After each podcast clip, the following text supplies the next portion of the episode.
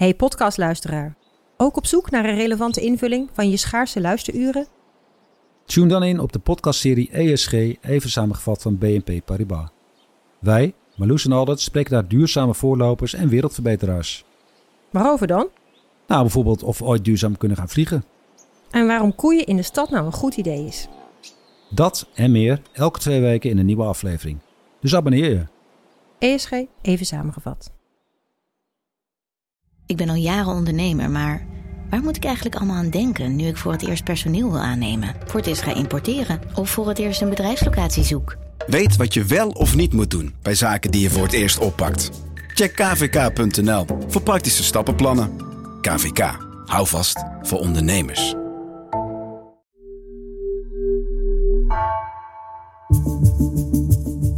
Vanaf de redactie van NRC het verhaal van vandaag.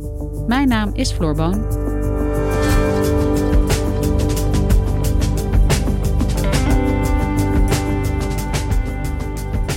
Altijd achterom kijken, permanente persoonsbeveiliging of zelfs wonen in een safe house. Door de verharding van de criminaliteit in Nederland en de moord op Peter R. de Vries staan misdaadjournalisten in toenemende mate onder druk. Kim Bos en Lineke Nieber spraken zes misdaadjournalisten over hun werk. Kunnen zij hun werk nog doen? En wat betekent dit voor de journalistiek?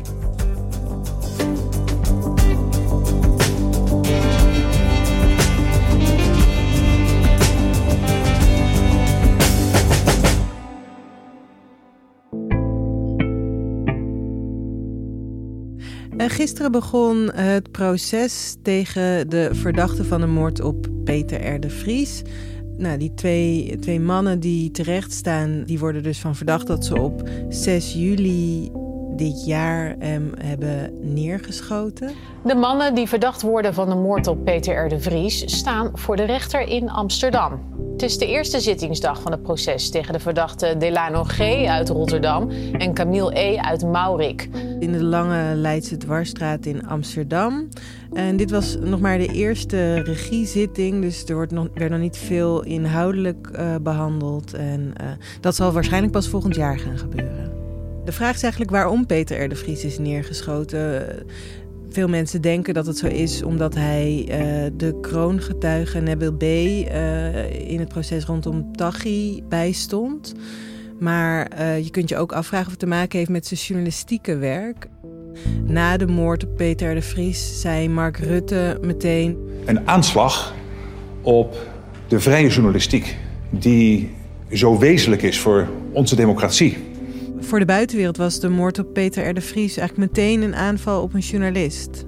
En de moord op hem heeft ook erg veel impact op zijn collega's, uh, andere Nederlandse misdaadjournalisten.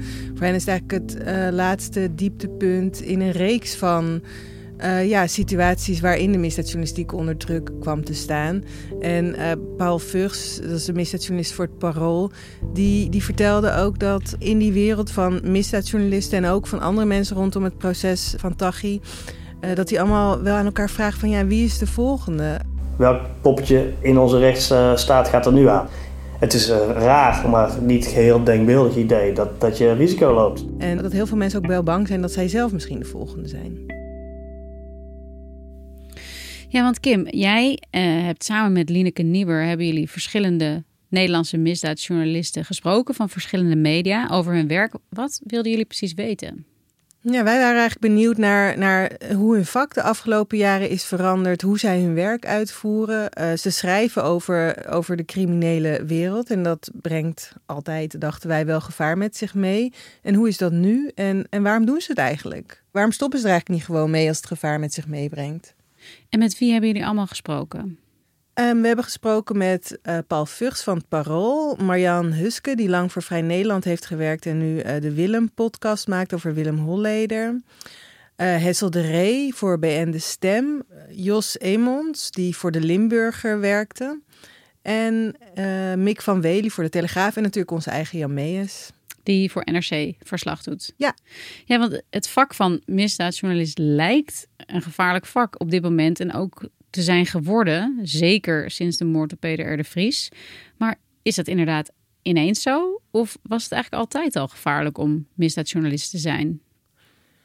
Misdaadjournalisten hebben altijd meer dan, dan normale journalisten te maken met de onderwereld. En, en dat brengt ook altijd wel wat gevaar met zich mee. Alleen de laatste jaren, zeggen alle misdaadjournalisten, is de georganiseerde misdaad verruwd. En zij publiceren daarover. En dat heeft direct zijn weerslag op, op het gevaar van het vak.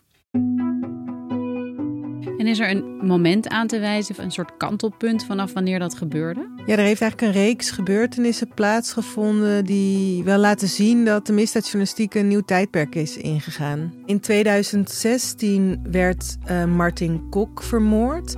Dat was een, uh, nou ja, een gepensioneerd uh, crimineel en daarna een misdaadblogger, want hij wilde eigenlijk een beetje naar de bovenwereld om verslag te doen van de wereld die hij zo goed kende. Afgelopen nacht werd hij geliquideerd. Martin Kok, de voormalig crimineel die de drijvende kracht was achter de misdaadwebsite Flinders Crime. En is ook duidelijk door wie hij is vermoord? Martin Kok schreef heel veel over de cocaïnemafia. En het vermoeden is dat dat ook komt uit de georganiseerde misdaad en dan uit de, het netwerk rondom Taghi. En in 2017 was alweer een nieuwe stap in dat toenemende gevaar voor, voor, voor misdaadjournalisten. Toen kreeg Paul Vugts persoonsbeveiliging. En hij moest naar een safehouse. Kijk, ik had in 2017 een hele reeks artikelen geschreven in Parool. En uiteindelijk mijn recentste boek, Afrekeningen, uh, gepubliceerd. En uh, daarin konden specifieke Amsterdams-Marokkaanse criminelen lezen... Uh, dat ik meer wist over bepaalde liquidaties dan zij dachten dat bekend was. Dat en dat zij dat ook bij de overheid bekend was. En dat er ineens dreiging was, dat ontdekte hij zelf via de bronnen die hij heeft in, in, in de onderwereld. Die bronnen die zeiden ineens tegen hem, Paul, je moet, echt, je moet nu echt gaan uitkijken. Men heeft besloten mij dood te schieten. En daar werd ik gelukkig door zeer uh, goede bronnen uit het criminele milieu uh, over gewaarschuwd. Eerst denk je, wow, bizar verhaal kun je het dan niet voorstellen. En denk je, is dit, probeert iemand mij onder druk te zetten of wat? Maar vervolgens kwam er een, patroon van, van waarschuwingen uit dezelfde hoek en zo. De, raarste dingen die je niet zou kunnen verzinnen, die werden voorspeld. En vervolgens gebeurde ook. Ergo, de informatie moest ik zeer serieus nemen. Daardoor wist hij dat die bronnen heel betrouwbaar waren. En dat het dus ook wel echt waar was dat, dat zijn leven werd uh, bedreigd. En een safe house, wat betekent dat? Nou, hij, hij woonde ergens in Amsterdam op de begane grond, uh, op een gevaarlijke plek. En zomaar van de een op de andere dag moest hij daar weg. Is hij ergens nou ja, ver buiten de stad waar hij werkt komen te wonen. Hij werd uh, altijd vervoerd in beveiligde auto's. Er waren mensen die niet van zijn zijde uh, weken. Nou ja, werd ik begeleid door dezelfde mensen die John en ook bijvoorbeeld Geert Wilders uh, begeleiden. De dienst Koninklijke Diplomatieke Beveiliging. Profs, echt een, een legertje. Dat is wel een bizar leven. En hij was de eerste journalist in Nederland die, die deze mate van beveiliging heeft gekregen. Dus dat zegt wel heel veel. Ik denk dat de staat te lang is blijven hangen aan het idee dat geweld tegen journalisten on-Nederlands was. Zoals uh, geweld tegen advocaat on-Nederlands werd geacht. Nou, die naïviteit zijn we stap voor stap kwijtgeraakt. En ik zat nog redelijk in het begin. Ik was in oktober 2017 gingen we daadwerkelijk uh, die beveiliging in. En toen was ik de eerste journalist, die dat ooit was uh, overkomen. Daarna gaat het in 2018 eigenlijk nog weer verder. Uh, dan is er een aanslag eerst op de panorama uh, met een raketwerper. En daarna rijdt er een auto binnen uh, in het, door de glazen pui van het Telegraafgebouw. En die auto wordt binnen in een brand gestoken. In Amsterdam is een bestelauto het gebouw van de Telegraaf binnengereden. Daarna vloog het voertuig in brand. Er zijn geen gewonden gevallen. Want wat is de reden dat de Telegraaf dan ineens wordt aangevallen? De Telegraaf had niet lang daarvoor een portret geschreven waarin ze eigenlijk Taghi ontmaskeren. En Telegraaf-verslaggever Mick van Wely zegt dat het daar iets mee te maken heeft. Wetend van nou, dat, dat, dat gaat ze niet leuk vinden. Ja, moeten we het dan wel of niet doen? Nee, we doen het wel. Dat was eigenlijk het eerste verhaal waarin we hem uit de anonimiteit trokten en beschreven: dit is de man waar justitie jacht op maakte. Ja, en de laatste stap was deze zomer dus de moord op, op Peter R. de Vries, ja, de bekendste misdaadverslaggever van ons land. Nee, want Kim, er is ja, zeker nog niets bewezen. De rechtszaak is pas gisteren begonnen. Maar de naam van Ridwan Taghi valt wel vaak als we het hebben over deze uh, gebeurtenissen. Is die groep rond Taghi ook de reden dat de criminaliteit zo verhard is in Nederland en dat journalisten ja, nu ook zoveel meer gevaar lijken te lopen. Ja, dat is wel uh, wat veel journalisten die we hebben gesproken constateren. We spraken Mick van Wely in, uh, in de grote hal, uh, de grote aankomsthal, zeg maar, bij de Telegraaf. En die, die is echt gepassioneerd over wat er aan de hand is. En dat kun je ook soms wel horen, omdat hij altijd met zijn hand op tafel slaat. Ik bedoel, Jezus, het is oorlog. Echt, ik, ik nu nog. Misschien denken jullie ook wel, joh, overdrijf niet met je telegraaf-dinges. het is oorlog. Het is, het is geen criminaliteit. Het is een narcoterreur. Er wordt een broer van de kroongetuige op. Er wordt een journalist op straat midden op dag aangevallen. Denk je dat dit het einde is? Jongens, we zijn al lang bezig. De volgende is een rechter of een officier van justitie. Tuurlijk zijn ze al lang bezig. Ik en wij zijn ook allebei uh, journalist. Ik ben gelukkig nog nooit bedreigd vanwege het werk dat ik doe. En ik hoop jij ook niet. En dat gebeurt dus bij misdaadjournalisten veel meer gaan ze dan ook op een andere manier om met hun informatie, die ze op een andere manier wegen, ja, ook om hun eigen veiligheid te beschermen. Ja, de informatie die zij hebben en of ze die brengen, dat hangt soms samen met leven of dood. Dus ja, dat moeten ze wel anders wegen. Op vrijdag 8 oktober konden we heel goed zien hoe, uh, ja, hoe de misdaadjournalistiek onder druk staat en hoe dat eigenlijk leidt tot nieuwe overwegingen. Toen brachten vijf kranten tegelijkertijd het nieuws dat uh, Ridouan Taghi in de gevangenis uh, contact heeft met zijn neef. Goedemiddag. De politie heeft vandaag de neef van Ridouan Taghi, hoofdverdachte in het Marengo-proces, aangehouden. De 38-jarige man is ook advocaat van Taghi en in onderschepte communicatie tussen hem en Taghi blijkt volgens het OM dat Taghi vermoedelijk bezig was een gewelddadige uitbraak te organiseren. En we weten ook uh, dat, ze dat, dat sommigen van hen dat nieuws al heel erg lang wisten. En de vraag is natuurlijk, waarom is dat zo gegaan? Paul Vught vertelde dat hij er maandenlang buikpijn van heeft gehad dat hij niet publiceerde. Dus sommige misdaadjournalisten wisten dit al heel lang. Waarom hebben ze dat niet eerder bekendgemaakt? Die wisten natuurlijk niet wat daar inhoudelijk besproken werd tussen die twee. En in de loop van de tijd kwamen steeds meer journalisten hier ook achter. En werd steeds meer de vraag, ja, waar praten ze over? Waarom we het gedaan hebben? Omdat uh, dit om mensenlevens gaat. Uh, dus het belang dat uh, dat onderzoek voldragen zou raken, zodat het in elk geval duidelijk was. lijkt het erop dat die, dat die lijn in elk geval voor het voortzetten van misdrijven wordt gebruikt. Nou ja, wij hebben gevonden dat we uh, moesten wachten. Enerzijds dus justitie de kans moesten geven om dit onderzoek te volbrengen. En de recherche natuurlijk. Anderzijds uh, uh, ja, is het journalistiek gewoon niet rond, het verhaal nog. Als jij niet een indruk kunt krijgen wat de inhoud van, het, van de gesprekken zijn, dan blijft het neef is advocaat van Tachi. Maar ja, straks is die voorkomen te goede trouw. Het ging hier en om het maatschappelijk belang, maar het ging ook om, om, om mensenlevens misschien, om leven en dood. En zelf liep ze natuurlijk ook gevaar. Ja, want meestal publiceren journalisten zodra ze iets weten en dat ook daadwerkelijk kunnen bewijzen of aantonen, dan willen ze niets liever dan dat publiceren. Um, is dit dan een groot verschil tussen hoe andere journalisten te werk gaan?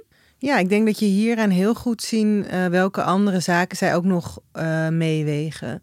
Want zij kunnen dan ook onderdeel worden van zo'n misdaadverhaal als zij gaan publiceren. Nou goed, en, en uiteindelijk hebben we met vijf uh, verschillende media, de Volkskrant, NRC, Telegraaf, AD en het Parool, afgesproken dat we niet zouden publiceren voordat het onderzoek tot de aanhouding van Youssef Taghi had, zou hebben geleid. En ik denk niet dat dat eerder voorgekomen is in de misdaadjournalistieke historie. Een heel belangrijke reden daarvoor is ook veiligheid. Want als je met z'n vijven vertelt, dit is het nieuws, uh, dan spreid je ook het risico. Op deze schaal is dat nog nooit gebeurd. In de misdaadjournalistiek gebeurt het heel af en toe wel. En uh, Hessel de Ree bijvoorbeeld heeft dat ook wel eens gedaan met een uh, collega uit, uh, uit zijn regio. En um, dan zei hij, ja, ze gaan er niet twee of ze gaan ons niet allemaal omleggen. Hoe gaan de journalisten die jullie hebben gesproken eigenlijk om met die persoonlijke dreiging die de hele tijd om hun werk heen hangt? Ja, verschillend. Je begint niet met het werk in de wetenschap dat je bedreigd wordt. Dus het gaat eigenlijk stapje voor stapje. Um, Jan Meijers, onze collega, die kon, vond ik wel mooi uitleggen. Die zei: Ja, het is een beetje alsof je kind voor het eerst naar de middelbare school gaat. Je ziet hem uh, met zo'n hele grote rugzak op zo'n veel te grote fiets stappen. En dat is allemaal een beetje spannend en zal het allemaal wel goed gaan. En dat voelt niet lekker. Maar ja, je kan dat, dat gevoel zet je opzij. Want je gaat, uh, dat kind blijft naar de school gaan. En je kan het niet, uh, niet je elke dag zo voelen. En zo normaliseert het eigenlijk. Ja, zo normaliseert het, ja. En hoe zit het met beveiliging? Want journalisten praten daar niet graag over. Net als politici niet graag praten over hoe hun beveiliging in elkaar zit. Maar ja, Paul Vugts heeft een tijdje in een safehouse gezeten. Worden ze nog steeds beveiligd? Geldt dat voor anderen ook nog op dit moment? Mick van Wely wordt beveiligd door uh, die dienst die ook uh, Geert Wilders uh, en, en, en, leden van het Koningshuis beveiligt. John van den Heuvel ook. En voor de rest is het een beetje onduidelijk of er onzichtbaar op de een of andere manier nog beveiliging is. En hoe grijpt dat in op hun levens? Ja, als je fulltime persoonsbeveiliging krijgt, dan is niks meer zoals het daarvoor was. Die, die maatregelen zijn aangescherpt. Ik bedoel, het is aan ik kan niet, ik moet afspraken plannen. Ik kan niet ochtends zeggen, jongens, ik ga nu, vanochtend is er wat gebeurd, ik ga daarheen. Dus dat vind ik het ergste, dat je zwaar beperkt wordt in je vak. Dat vind ik vervelend. Deze journalisten die gaan ook vaak op pad. Dus de, de straat op, gewoon met mensen praten om te kijken of ze iets kunnen vinden. Weet je wel, Mick van Wely die heeft de hele tijd uh, in de Rotterdamse haven met allerlei mensen gepraat om over uh, drugsmokkel uh, dingen te weten komen. Nou, dat kan gewoon niet. ja, en het is een van mijn kwaliteiten. Dus, dus ik krijg mensen aan het lullen. Ik ga daarheen. Ik ga, waar een ander zegt, ik, ik stop na drie keer aangebeld te hebben, bel ik net zo lang door tot de persoon die alles weet. Hey, jullie hebben ja, zes mensen gesproken, uh, die allemaal ook heel erg voelen wat die impact is van de moord afgelopen zomer op Peter R. de Vries. Uh, sommigen ook persoonlijk worden beveiligd daardoor. Hebben jullie uiteindelijk antwoord kunnen krijgen op de vraag die jullie hebben gesteld? Waarom doen ze dit werk nog? Omdat ze niet anders willen. Ze vinden het ook gewoon echt geweldig en spannend en, en een heel erg mooi vak. En ja, zij zeggen die ondermijnende misdaad waar de meeste van hun onderzoek naar doet, dat drukt steeds meer een stempel op ons dagelijks leven. Dus dat moet verteld worden. Ik vind het belangrijk omdat ik vind dat uh, over dit soort zaken moet worden geschreven. Ik werk voor een Amsterdams medium met Parool en uh, hier lopen jongens van de, in de twintig met automatische wapens elkaar af te knallen in de straten. En dus er zijn hele jonge slachtoffers, er zijn hele jonge jongens die soms al levenslang hebben gekregen. Dat is een enorm maatschappelijk fenomeen van groot belang.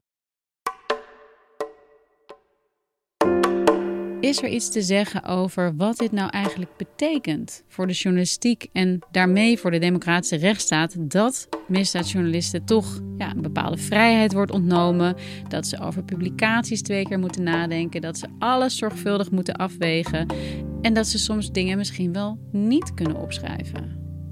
Ik denk dat we er nog middenin zitten om te ontdekken wat het precies betekent. Eh, Paul Vught zegt daarover: we weten gewoon niet wat er gaat gebeuren. Het, het is een soort, zoals in corona wel vaak gesteld werd, varen in de mist. We, we, we koersen op zicht. Nou, dat is hier ook zo. Niemand heeft het antwoord op de vraag: who's next? Ja, wie is de volgende en wat weten we daardoor misschien wel niet? Ja, we kunnen ons wel afvragen uh, wordt ons nieuws niet verteld omdat uh, de dreiging voor individuen ja, te groot wordt. Ja, dat, dat, dat zou toch heel kwalijk zijn. Dat zou toch een zekere overwinning betekenen voor die zware criminaliteit en de criminelen die ervoor zorgen dat journalisten het niet meer opschrijven. Ja, uh, in de woorden van, van Mick van Wely zou dat betekenen dat we zijn bezweken aan de narcoterreur. Dus in die wereld, aanslag op de panorama, aanslag op de telegraaf, aanslag op uh, Martin Kok. Onderschat niet de symbolische waarde daarvan. Hè? Wij winnen, dat idee is het. Dus je moet niet capituleren. Je, je, we, we, hebben, ik heb ook een verantwoordelijkheid voor de anderen.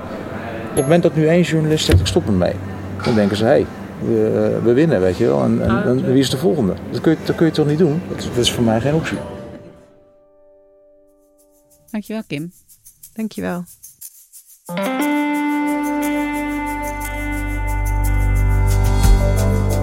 Je luisterde naar vandaag, een podcast van NRC. Eén verhaal, elke dag. Deze aflevering werd gemaakt door Felicia Alberding, Julia Vier en Jeroen Jaspers. Dit was vandaag. Morgen weer.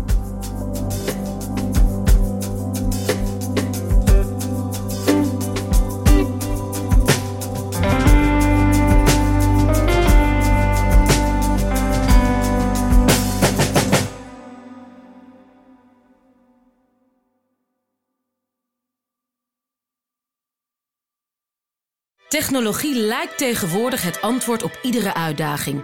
Bij PwC zien we dit anders. Als we de potentie van technologie willen benutten, kunnen we niet zonder een menselijk perspectief. Human-led, tech-powered noemen we dat. Ga naar pwc.nl.